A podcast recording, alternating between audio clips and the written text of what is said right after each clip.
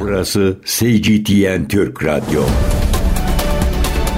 Onda 10 başlıyor.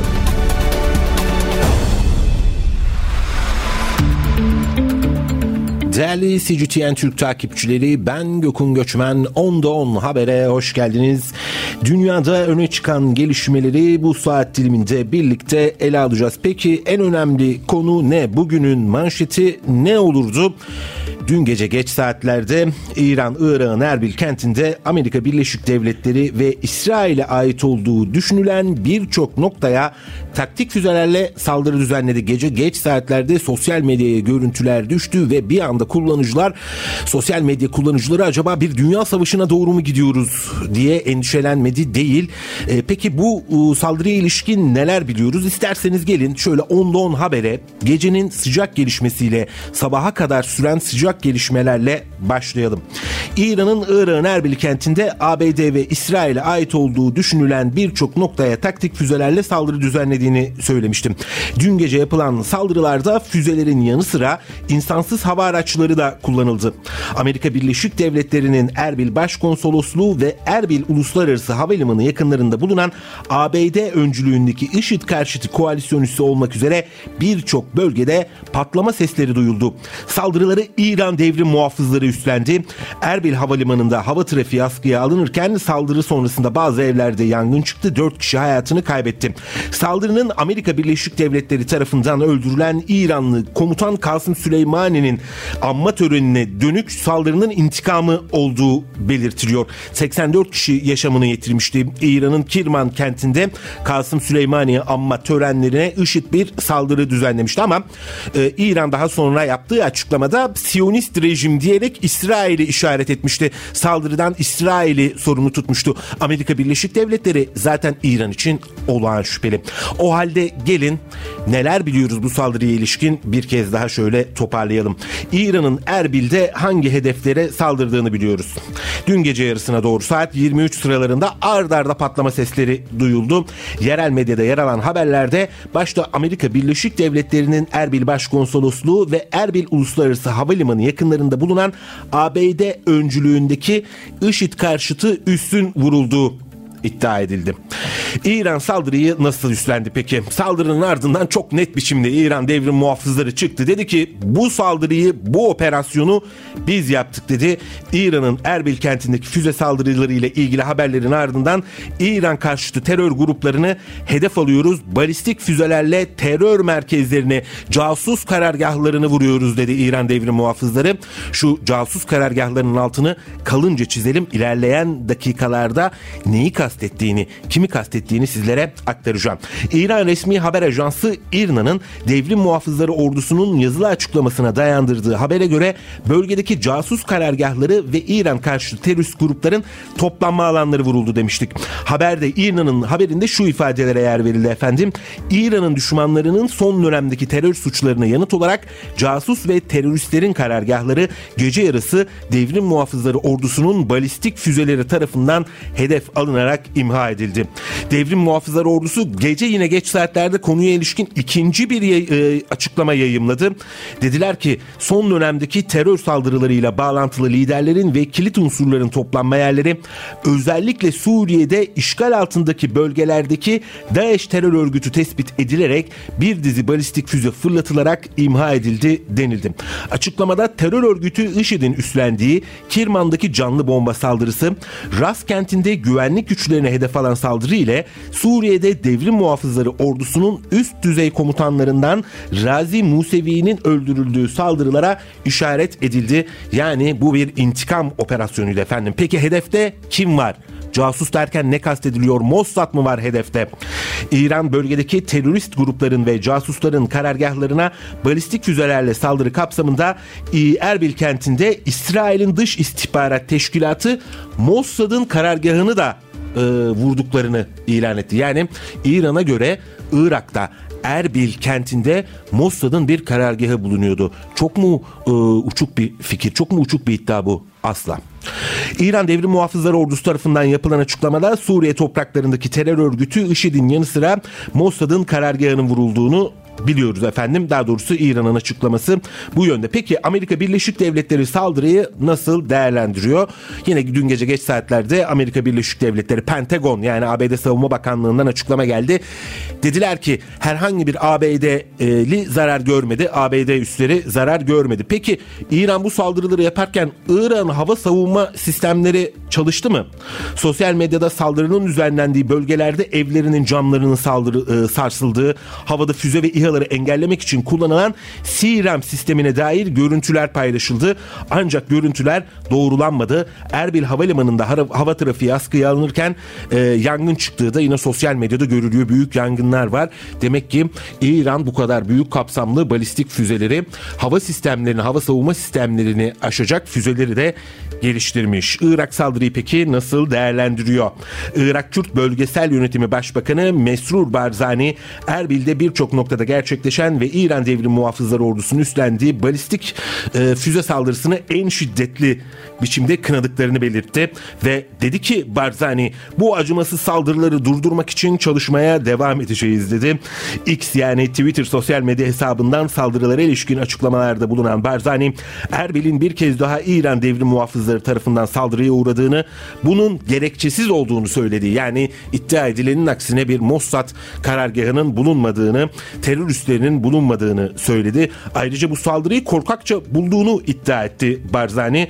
Uluslararası ortaklarına da teşekkür etmeyi ihmal etmedi Barzani yaptığı açıklamada. Saldırının neden yapıldığını artık e, biliyoruz. Saldırı doğrudan e, Kirman kentinde devrim muhafızları komutanı Kasım Süleymani'nin e, anma törenlerine Kasım Süleymani anma törenlerine yapılan saldırıya ilişkin bir yanıttı. IŞİD saldırıyı üstlenmişti ama İran IŞİD karşıtı ABD öncülüğündeki üssü vurdu. Aslında çok net bir mesaj vermek istiyor İran anladığım kadarıyla. Yani diyor ki bu işin arkasında IŞİD yok. IŞİD olsa bile onu kullanan eli vuruyoruz biz. Esas olarak o e, elleri kuklaya oynatan e, aktörleri bulmaya çalışıyoruz ifadeli, e, ifadelerini kullanıyor. E, saldırıda bu arada e, iş insanı Falcon grup sahibi Peşrev Dizai bu beyefendi e, İsrail adına çalışmakla suçlanıyordu e, İran tarafından. Onun evi vuruldu. Kendisi de hayatını kaybetti. Ailesinden 4 kişi daha yaşamını yitirdi efendim. E, İran medyasında bu kişinin İsrail istihbaratıyla bağlantılı olduğunun sık sık altı çizilmekte. Sadece dünyadaki sıcak nokta e, tabii e, Irak'ın Erbil kenti mi? Hayır. Husiler de dün boş durmadılar. ABD Merkez Kuvvet Komutanlığı CENTCOM Yemen'de Husilerin kontrolündeki bölgeden atılan balistik füzenin ABD konteyner gemisi Gilbartar Eagle'ı vurduğunu söyledi. Yani ne oldu şimdi şöyle bir toparlayalım gözümüzün önüne getirelim haritayı. Irak'ta Erbil'de kim vuruyor? İran doğrudan balistik füzelerle Amerikan üssünü vuruyor. Kızıldenizli, Kızıldeniz'in hemen çıkışında orada Husiler var. Onlar da İran ile iyi ilişki içerisindeler. Dayanışma içerisindeler. Zaten kendilerini direniş ekseni olarak tanımlıyorlar efendim. Bunlar ABD karşıtı, İsrail karşıtı bölge güçleri. Bunun içerisine Hizbullah'ı da koyabilirsiniz. Hamas'ı da koyabilirsiniz. Husileri de koyabilirsiniz. Ve tabii ki onların en üstünde de e, bu gizli saklı bir şey değil. İran yer alıyor. İran her türlü desteği veriyor ve bununla da aslında gurur duyuyor İran yönetimi. E şimdi efendim diğer taraftan da e, Husiler balistik füzeleri salladılar. ABD gemisini vurdular. Bu ne demek? Amerika Birleşik Devletleri'ne şu demek. Siz bana istediğiniz kadar hava operasyonu düzenleyin. istediğiniz kadar benim kentlerimi vurun. Ben bulunduğum pozisyondan bir milim geri adım atmayacağım. Sizin gemilerinizi Kızıldeniz'de vurmaya devam edeceğim. CENTCOM'dan saldırıya ilişkin bir açıklama geldi. İki sosyal medya hesabından Twitter'dan açıklamada Sana saatiyle yaklaşık 16'da İran destekli Husi militanları Yemen'de kontrol ettikleri bölgeden bir antibalistik füze attı. Füze Marshall Adaları bayraklı Amerika Birleşik Devletleri tarafından işletilen ve Amerika Birleşik Devletleri'ne ait e, Eagle konteyner gemisini vurdu ifadeleri kullanıldı. CENTCOM'dan yani ABD Merkez Komutanlığı'ndan yapılan açıklamada. Yaralanan olmadığı ve geminin önemli hasarı uğramadığı aktarılan açıklamada geminin seyrine devam ettiği kaydedildi. Açıklamada günün daha erken saatlerinde de ABD güçlerinin Kızıldeniz'e yönelik bir balistik füze attığının tespit edildiği, söz konusu füzenin başarısız olduğu ve Yemen'de karaya isabet ettiği, yaralanan ya da hasar gören e, bir geminin olmadığı da iddia edildi. Yemen'deki İran destekli Husiler Aden Körfezi'nde bir ABD gemisini daha seyri, seyri sefer füzeleriyle hedef aldıklarını duyurdular. Yemen Silahlı Deniz Kuvvetleri'ne bağlı bir deniz kuvveti varmış Husilerin. Aden Körfezi'nde e, bir dizi seyir füzesiyle hedef alındı demiş Husiler yaptığı açıklamada. Ayrıca operasyonun bugüne dek Siyonist oluşum tarafından en çirkin katliamlara maruz kalan Gazze şeridindeki Filistin halkına uygulanan zulme karşı atıldığı belirtilmiş. Bakın kimileri kınamalar yapıyor, kimileri eleştiriler yapıyor, kimileri hem kınayıp hem ticaret yapıyor. Ama Husiler Gazze ile dayanışmak için, Filistin'e dayanışmak için kuruyorlar füze bataryalarını. Diyorlar ki Amerika Birleşik Devletleri'ne, İsrail'e siz katliama devam ettiğiniz müddetçe ben Kızıldeniz'e sizin gemilerinize dar edeceğim. Uluslararası ticaret mi aksıyor? Aksasın. Hiçbirinin Filistin halkından bir halkın soykırıma uğramasından daha fazla kıymeti yok. Aslında benim anladığım Husilerin vermek istediği mesaj bu. Zaten aslında dünya nasıl değerlendiriyor? Şimdi Amerika Birleşik Devletleri, İngiltere bir koalisyon kurdular. Yemen'e saldırıyorlar ama Dünya bu e, saldırılara da aslında e, kendilerinin operasyon dediği e, eylemlere de katılmak istemiyor. Birleşmiş Milletler Genel e, Kurulu'nda bir oylama yapıldı. Rusya ve Çin e, onay vermediler. Çekimser kaldılar. Cumhurbaşkanı Erdoğan bir açıklama yaptı bu Kızıldeniz'deki hadiselerle ilgili. Husilerin yaptığı eylemi suçlamadı. Bunun arkasında dedi e, İsrail'in katliamları var. İsrail'in katliamları bu tabloya yol açtı ifadelerini kullandı. Anladığımız kadarıyla uluslararası toplumda da e, ya da uluslararası toplumun geniş bir kesiminde de Husilerin bu eylemleri meşru olarak görülüyor efendim. Yani çünkü ortada bir katliam var ve bu katliamı durdurmak için de her aktör elinden geleni yapmaya çalışıyor. Filistin yanlısı aktörlerden bahsediyorum elbette. Yemen'e saldırılarda görev alan ABD ve İngiliz savaş gemilerinin tümünün kendilerine bağlı silahlı kuvvetler deniz gücü tarafından hedef alınmaya devam edeceğini söyledi Husiler. Yani operasyonların ardından e, ABD'nin hava saldırılarının ardından operasyonlarına kendi operasyonlarına hız vermeyeceklerini, hız kesmeyeceklerini, ara vermeyeceklerini söylediler. Husi yönetici Kahnum'dan da dün bir açıklama geldi zaten zaten dedi ki Washington'ın saldırıları etkisizdir. Onlarla apaçık bir savaşa hazırlanıyoruz dedi. Yemen'deki Ensarullah Hareketi siyasi bir üyesi Ali El Kahum'dan geldi bu açıklamada. Husilerin siyasi bir üyesi Kahnum dedi ki Yemen'den Amerikalılara şunu söylüyoruz. Yemen'e yönelik tüm hareketleriniz ve saldırılarınız başarısızlıkla sonuçlanacak. Saldırılara tüm gücüyle karşı koyacak Yemen halkı.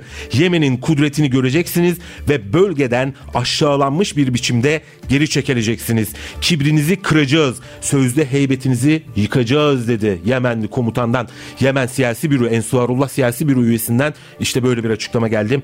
Oldukça etkili cümleler bunlar. Dedi ki Yemen'in kudretini göreceksiniz. Kibrinizi kıracağız. Sözde heybetinizi Yemen halkı olarak yıkacağız ifadelerini kullandı. Hadi kısa keyifli bir müzik molasına gidelim. Sonrasında gözümüzü Asya'ya çevireceğiz. Asya'da neler olup bitiyor? Gazeteci yazar Mehmet Ali Güller'le birlikte ele alacağız. Değerli CGTN Türk takipçileri ben Gökün Göçmen programımızın bu bölümüne gazeteci yazar Mehmet Ali Güller'le devam ediyoruz. Sayın Güller hoş geldiniz. Hoş bulduk. İyi yayınlar diliyorum. Çok teşekkürler. Tayvan'da bölgesel liderlik seçimi yapıldı. Tamamlandı artık seçimler. Ee, ABD yanlısı Demokratik İlerleme Partisi, Çin'de Tayvan Cumhuriyeti'ni kuran ve uzun bir süre adayı yöneten Çin Milliyetçi Partisi Kuomintang ve yeni kurulmuş olan bir parti daha var. Tayvan Halk Partisi seçimlerin 3 ana aktörüydü. Demokratik İlerleme Partisi bir kez daha e, zaferini ilan etmiş oldu. Ama bu zafer ne anlama geliyor? Nasıl bir zafer kazandı? E, birlikte değerlendirelim isterim. Nasıl görüyorsunuz Tayvan'daki seçimleri? Baştan söyleyeyim bu e, zafer denilen seçim kazanmış olma durumu aslında e, Tayvan'da ayrılıkçılığın, bağımsızlık e, arayışının e, güç kaybettiğinin göstergesi. Evet. Niye öyle peki? E, bunu tabii sayılara bakarak söyleyebiliriz. E, nedir alınan oylar? İktidardaki Demokratik İlerleme Partisi e, toplam 5.6 e, milyon e, yuvarlayarak söylüyorum bu arada evet, küsuratları e, atarak 5.6 milyon oy aldı. Bu %40'a tekabül ediyor. Milliyetçi Komindang Partisi 4.7 milyon oy aldı. %33.4'e tekabül ediyor. Halk Partisi de 3.7 milyon oy aldı. Bu da %26.4 yapıyor. Dolayısıyla iktidar partisi %40 oy almış oldu. Yani %50'yi geçememiş oldu. Şimdi bunun ne anlama geldiğini bir de bir önceki seçime bakarak değerlendirelim. Bir önceki seçimde Demokratik İlerleme Partisi yani iktidardaki parti 8 milyon oy almış. Bu da %57'ye tekabül etmişti. Yani e, ayrılıkçılığı savunan Amerika ile dirsek temasında olan bağımsızlıkçılık e, arayışındaki bu parti %57'den %40'a gerilemiş oldu. 8 milyon oydan 5.6 milyona gerilemiş oldu. Şimdi gerileme sadece burada mı peki? Değil. E, bu yürütme yani Amerika'daki seçimlere benzer bir seçim yapısı var Tayvan'ın. Bu yürütme yasamaya bakalım yani parlamentoya bakalım. Orada da 113 e, sandalyeli bir parlamento var. 113 e, parlamentor e, parlamenter içerisinde 51 sandalyeye sadece sahip olabildi iktidar. 51. Yine azınlıkta kalmış oldu. Ee, Milliyetçi Komindang Partisi ise yasama ve yürütme arasında artık. Komindang Partisi ise 52 sandalye kazanmış oldu. Dolayısıyla Komindang'ın bir fazla üyesi var. Yeni kurulan Halkçı Parti'nin 8, 2 de bağımsızın var. Dolayısıyla yürütmede %57'den %40'a gerilemiş bir parti. Yasamada da çoğunluk sandalyesini kazanamamış bir parti var. Dolayısıyla da eli zayıflamış bir parti var. E, tablo bu kadar net. Dolayısıyla buradan bir zafer e, demek Demokratik İlerleme Partisi adına, Amerika adına e, ya da işte e, Tayvan'ın bağımsızlıkçılığını e, destekleyen e, kuvvetler adına bir e, zafer e, değerlendirmesi yapmak pek de olası görünmüyor bu sayılara bakınca. Hı. Evet. Ee, peki şöyle söyleyelim. İlerleyen dönemde şimdi çeşitli sel- e, senaryolar var. Felaket senaryoları da var. İşte bu seçimlerde ABD yalnız aday kazandı. Ee, bu bir de yeni dalga Demokratik İlerleme Partisi'nin yeni dalga hareketinin üyesiymiş bu Lei Cheng'te denilen beyefendi. Ee, bağımsızlıkçı ayrılıkçı politikalara devam eder mi? Amerika Birleşik Devletleri tarafından önümüzdeki dönem cesaretlendirilir mi? Ee, Çin böylesine bir pozisyonda hangi adımı atar? Ee, sizin geleceğe dönük beklentileriniz neler? Neler yaşanacak? Şimdi tabii Amerika elbette Tayvan'da kışkırtıcılığını, ayrılıkçılık e, zeminini e, beslemeyi sürdürecek. Bu Amerika için kaçınılmaz. Gelişmekte Ama olan Çin'e karşı Tayvan'ı Sayın Güler özür dilerim. Şundan dolayı soruyorum aslında bir taraftan da. Yani şimdi sizin biraz önce anlattığınız tabloyu büyük ihtimalle e, Amerika Birleşik Devletleri Washington'da görüyor. E, çünkü bu seçimlerden önce bunu nasıl yansıttılar kamuoyuna? Bu aslında bir seçimden öte bir sanki sözüm onu ayrılıkçılık e, referandumu, ayrılma referandumu gibi yansıttılar. Ama şimdi öyle yansıtılırsa %40'a 60 gibi bir tablo var. Hani biraz frene basar mı acaba bu tabloyu görüp merak ettiğim konu o benim aslında. Şimdi tabii Amerika için tablo şu yani buradan e, elbette %57'den %40'a gerilemiş olmaktan e, pek çok e, onlar da sonuç çıkaracaktır. Ama bu hiçbir zaman Amerika açısından Tayvan'da ayrılıkçılığı kışkırtma durumunu değiştirmeyecek. Amerika orada %1 bile bir zemin bulsa Tayvan'da o yüzde bir zeminden bile ayrılıkçılığı kışkırtmak isteyecektir. Evet. Çin'e karşı e, elindeki e, kartlardan biri bu. Yani bu kartı mümkün olduğunca e, oynamaya çalışacak. Ha burada Amerika zaten e, iki e, yüzlü bir siyaset başından beri izliyor. Yani 50 yıllık Çin-Amerika ilişkilerinin temelinde ne var? Üç ortak bildiri var değil mi? Peki evet. o üç ortak bildirinin temeli nedir? Tayvan sorunu aslında. Yani bütün o ilişkiler nasıl normalleşti? Bütün ilişkilerin normalleşmesinin merkezinde Tayvan meselesi var. Amerika Tayvan'ın bağımsızlığından vazgeçip tek Çin politikasını kabul etme şartıyla ancak Beijing tarafından normalleşme e, durumu kabul edilmiş bir ülkeydi. Şimdi Amerika onu aşağı yukarı kabaca söyleyelim bu 50 yıllık ilişkinin ilk bölümünde uyguladı. İkinci bölümünde ise kağıt üzerinde uyguladı ama fiilen kışkırtıcılık e, ve Tayvan'da bağımsızlık arayışını e, sürdüren bir takım işlere imza atmaya çalıştı. Amerika bunu yine yapmaya çalışacak. Ha eskisine göre eli o kadar kuvvetli değil. Niye? Çünkü bir argümanlar e, değişti. Argüman neydi bugüne kadar? Sürekli e, Çin'in Tayvan'ı silah zoruyla yutacağını e, propaganda ettiler ve Tayvan halkı üzerinde bir korkutmaya e, yöneldiler. E peki korkutmanın sonucunu almış mı oldular? Hayır %57'den %40'a düşülen Sayın oylara de bakılırsa parantez açayım. Şimdi siz bahsettiniz biz Demokratik İlerleme Partisi'nin aslında mevcut pozisyonundan. Bir de bu oyu yani bu zaferi bir muhalefetin bölünmüşlüğü sayesinde kazandılar ama aynı zamanda bu Çin karşıtlığını yalanlarla beslediler seçim dönemi boyunca. Çin uydu attı dünyaya Tayvan Çin bize füze atıyor diye duyurdu. E, ne için? E, adadaki işte Çin karşıtlığını seferber edebilmek için. Bir de böyle e, bir e, tırnak içerisinde galibiyetten bahsediyoruz. İşte bunların hiçbirinin işe yaramadığını görmüş olduk. Yani bütün o yalanlarla, dolanlarla, propagandalarla e, %40'ın üstüne çıkamamış oldular. E, mümkün de değil. Şimdi biz bakın burada hani %40 kadüştü e, ayrılıkçılık anlayışı dediğimizde şu da anlaşılmasın elbette. Bu yüzde kırkın tamamı da herhalde ayrılıkçılığı benimsemiyor. Tabii ki. Şunu söyleyelim bakın e, şimdi veriler hemen önümde yok ama e, Boğaz'ın iki yakasındaki evlilikler yani Çin anakarasındaki bir Çinli ile Tayvan'daki bir Çinlinin evlilik sayıları 350 e, bini bulmuş vaziyette. Şimdi bunlar hızla artıyor. Adanın nüfusunun 25 milyon olduğunu söyleyelim. Rakam yani oran Aa, epey tabii, büyük. Evet, yani o oranlamak evet, açısından tabii. iyi olur. E, adanın nüfusu 24 e, milyon. Hı. En son benim bildiğim 25'e çıktım Hı. ondan da emin değilim 24 milyon. Dolayısıyla yüksek bir oran. Diğer yandan bakın ne olursa olsun hala Tayvan'ın en büyük ticari ortağı kim? Çin. Hala Çin ana karası. Hı. Yani 2010'lardaki e, ticaret e, durumu 2022'de tam iki katına çıkmış durumda. 384 e, milyar dolardı yanlış hatırlamıyorsam. iki katına çıkmış durumda. Yani Tayvan'da ayrılıkçılığın zemini hem siyaseten hem de ekonomik olarak da e, gittikçe azalıyor. O zemin kaybediliyor. Amerika'nın e, burada elinin kolunun zayıfladığını görüyoruz ama Amerika açısından değişmez bu. Yani %40 değil evet. %30 da olsa yine kışkırtıcılığı sürdürecekti. Fakat e, tabii her kışkırtıcılık zemine göre e, yapılır. Biraz daha e, hafif gidecekler. Yani ne, neydi iki yıl önce biz e, resmi ünvanı e, ki Amerikan e, hiyerarşisinde 3 numara diyebileceğimiz Temsilciler Meclisi Başkanı düzeyinde bir kışkırtıcılık yapıyordu. Şimdi seçimden sonra bir heyet gönderdiler. E, yarısı zaten emekli. Evet. Ve hiçbir resmi ünvanları olmayan isimler. Hı hı. Yani zemin elbette zayıfladığı için o zemine uygun e, kışkırtıcılığın dozu da e, düşmüş oluyor. Ama Amerika bundan vazgeçmeyecektir. Peki. Onun altını çizelim. Bir de şuna dikkat çekmek isterim ben. Yani burada temel mesele şu. E, tersinin de e, değerlendirelim. Yani ayrılıkçılık zemini düş, e, azaldı. E, ayrılıkçılık e, çizgisi artık ana akım değil bir kere. Onu söyleyelim. Siyasi parti e, anlamında ana akım olmadı.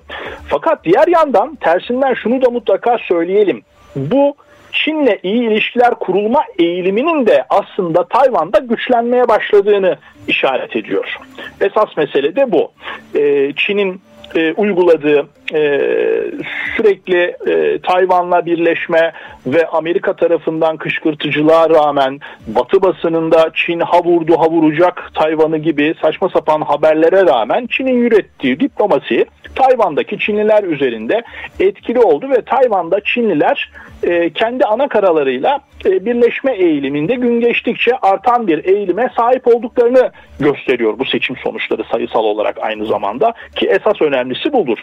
Neticede ne diyebiliriz? Tayvan'da ayrılıkçılık, bağımsızlıkçılık güç kaybetti ve Çin'in parçası olarak Tayvan'ın da e, günün sonunda hani bu hangi gün olur bilmeyiz ama e, bir şekilde ana karayla birleşmesinin artık kaçınılmaz bir hatta doğru girdiğini söylemeliyiz. Şöyle ek bir bilgi verelim isterseniz. E, şimdi Xi Jinping yaptığı konuşmada son konuşmasında dedi ki e, Tayvan'daki e, yurtseverlerle birleşmeliyiz, onların kalplerini kazanmalıyız dedi. Ne yapıyor peki Çin? E, hep böyle Çin'i silahla külahla göstermeye çalışıyorlar ama e, mesela Tayvan'dan e, ana karaya geçişler için e, tabi edilenden de sunulan e, seyahat kartlarını çok daha kolaylaştırdı. Yani ana kara ve ada arasındaki iletişimi ya da seyahati çok daha kolay hale getirmeye çalışıyor. Bir ikincisi hemen Tayvan'ın karşısında e, bir serbest e, ticaret bölgesi kuruyor ve burayı aslında Tayvanlı işletmeciler için kuruyor. Diyor ki biz bölgesel ekonomik e, ortaklık anlaşmasının da kapsamındayız. E, gelin diyor burada fabrikalarınızı kurun, işletmelerinizi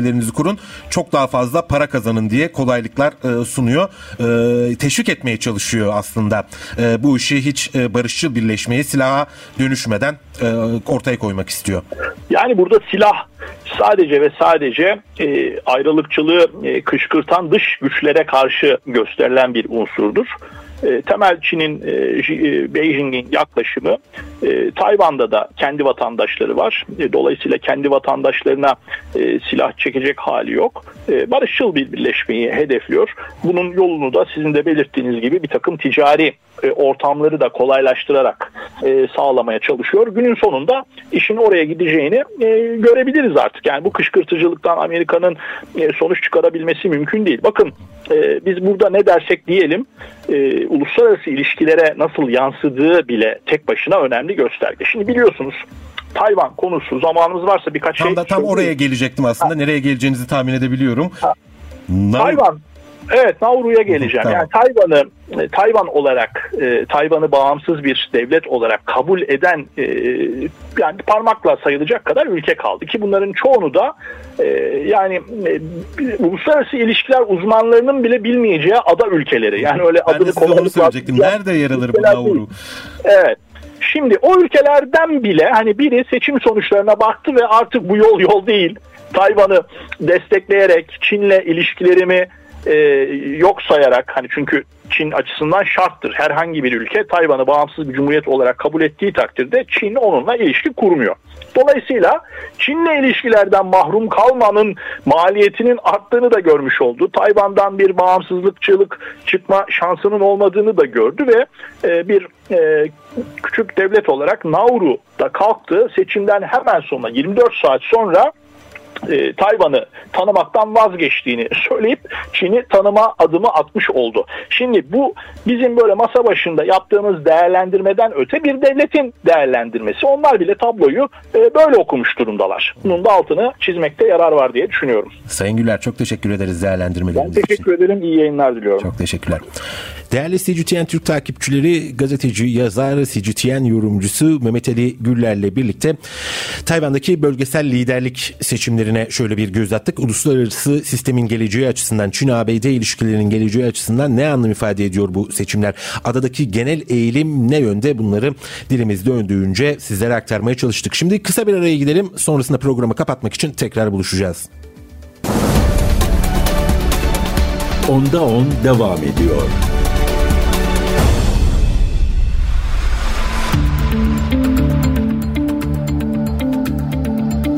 Şimdi kaldığımız yerden devam ediyoruz. Almanya'da çiftçiler hükümeti protesto etti. Bu bölümün son düzlüğün haberi bu şekilde. Sosyal Demokrat Parti, Yeşiller ve Hür Demokrat Parti'den oluşan hükümetin tarım alanında sübvansiyonları kaldırmayı planlaması dolayısıyla çiftçilerin ülkenin birçok bölgesinde 8 Ocak'ta başlattığı protesto Berlin'de devam etti. Almanya'nın çeşitli bölgelerinden traktörleriyle Berlin'e gelen çiftçiler tarihi Brandenburg kapısı ile Zafer Anıtı arasındaki 17 Haziran Haziran Caddesi ile çevredeki cadde ve sokakları kapattı.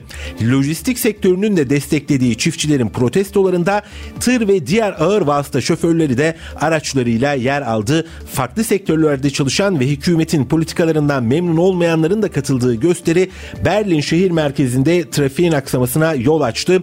Berlin polisinden yapılan açıklamada gösteriye 8500 kişinin katıldığı 6500 traktör, tarım aracı ve diğer araçların diğer araçların sanatçıların gösteride yer aldığı ifade edildi. Gösteriyi organize edenler ise gösterici sayısının 30 bini bulduğunu kaydetti. Brandenburg kapısı önünde kurulan sahnede Almanya Maliye Bakanı Christian Linder, Almanya Çiftçiler Birliği Başkanı Joachim Rudwig ile diğer sektör temsilcileri birer konuşma yaptı. Linder sahneye çıktığında konuşması sırasında Almanya Maliye Bakanı yani göstericiler tarafından protesto edildi. Yuh defol koalisyon hükümeti gitmeli şeklinde de sloganlar atmışlar efendim. Protestoların temel gerekçesine Almanya çiftçilere dönük sübvansiyonları kaldırmayı planlıyor. Çiftçiler de ayaklandı. Ne demek bizim desteğimizi kesiyorsunuz siz diye. Şimdi şöyle e, biraz da keyif verici birkaç haber sizlere aktarayım programı öyle kapatalım. Yapay zeka ve yalan bir kere başlayınca hiç durmuyor. Keyifli bir haber mi ilginç bir haber mi kararı siz verin. Yeni bir araştırma gelişmiş yapay zeka modellerinin sistemlerinin kullanıcıları ve diğer yapay zekaları kandırmak üzere eğitilebileceğini ortaya koydu. Yapay zeka girişimci Antropik'teki araştırmacılar Claude YZ sistemi ve OpenAI ChatGPT gibi insan düzeyinde yeterliğe sahip sohbet botlarının kullanıcıları kandırmak için yalan söyleyi yalan söylemeyi öğrenip öğrenemeyeceğini test etti. Araştırmacılar sohbet botlarının hem yalan söyleyebildiklerini hem de aldatıcı davranışı bir kez öğrendikten sonra mevcut yapay zeka güvenlik önlemlerini kullanarak bu durumun tersine çevirmenin imkansız hale getirebileceklerini ortaya koydu. Yani şimdi keyifli dedim gülerek okuyorum bu haberi ama diğer taraftan da korkutucu. Yapay zekaya yalan öğretiyorsunuz. Yani kodlarını yazıyorsunuz yalan at gerektiğinde diyorsunuz ve ikna edici biçimde yalanlar atabiliyor. Yapay zekalar birbiriyle karşılaştıklarında da yalan eğitimi, yalan kodu almamış bir yapay zeka yalan koduyla e, işlenmiş bir yapay zeka tarafından kandırılabiliyor. Yani manipüle edilebilir. Yani bakınca gerçekten bu bilim dünyasındaki haberler her gün böyle dudaklarımı ısırtıyor bana. Ayrılığın acısını atlatmanın anahtarı bulundu sevgili CGTN Türk takipçileri. Aşk acısı yaşayanlar. Bu haber size gelsin. Amerika Birleşik Devletleri'nde bilim insanları beyindeki biyolojik değişimlerin ayrılık acısını hafifletmeyi sağlayabildiğini belirtti. Tarla fareleri üzerine yapılan araştırmada eşlerini arayıp onlarla bir araya gelen kemirgenlerin beyinlerinde zevk hormonu olarak bilinen dopamin seviyesinde ciddi bir artış yaşandığı gözlemlendi. Fakat tek eşli ilişkiler kuran bu kemirgenlerin partnerlerinden uzun süre ayrı kaldıktan sonra dopamin seviyelerinde azalma gerçekleştiği ortaya çıktı. Bilimsel dergi Current Biology'de 12 Ocak'ta yayınlanan çalışmada partnerlerinden 4 hafta ayrı kalan tarla farelerinin dopamin seviyesinde ciddi düşüş yaşandığını dikkat çekildi. Yani hani diyorlar ya seni görmediğim zaman mutsuz oluyorum kendimi iyi hissetmiyorum diye. Bunun e, bilimsel bir açıklaması da varmış. Tek eşli fareler kemirgenler eşlerini 4 hafta görmedikleri zaman o mutluluk duygusu, dopamin duygusu dibe iniyormuş. Yani mutsuz oluyor. Seni görmediğim zaman dünyam kararıyor diyor. Fareler de e, böyle hissediyormuş efendim. Bilim insanlarının yalancısıyız. Colorado Boulder Üniversitesi'nden Zoe Donaldson bu değişimin ayrılık acısını azaltma odaklı olduğunu belirtmiş. Araştırmanın yazarlarından olan nörobilimci tarla fareleri dopamin dinamiklerindeki bu değişimden sonra başka bir partner bulup tekrar bağ kurabiliyorlar. Fakat eski ilişkileri sürerken bunu yapamıyorlar ifadelerini kullanmış. Yani yeni bir e, eş buldukları zaman eski eşlerini unutuyorlarmış tarla fareleri kemirgenler. Hani aşk acısını atlatmanın yolu e, bu durumda ne oluyor bu bilim insanlarına göre? E, bir başka partner bulmaktan geçiyormuş efendim ama bu işler tabii duygusal anlamda öyle kolay işler değil. Değerli CGTN Türk takipçileri ben Gökün Göçmen 10'da 10 haberin sonuna doğru yaklaşıyoruz. Yarın saatlerimiz e, 9'u 10'u gösterdiğinde ben yine CGTN Türk İstanbul stüdyolarında bu mikrofonun karşısında olacağım. Sizleri de bekleriz efendim.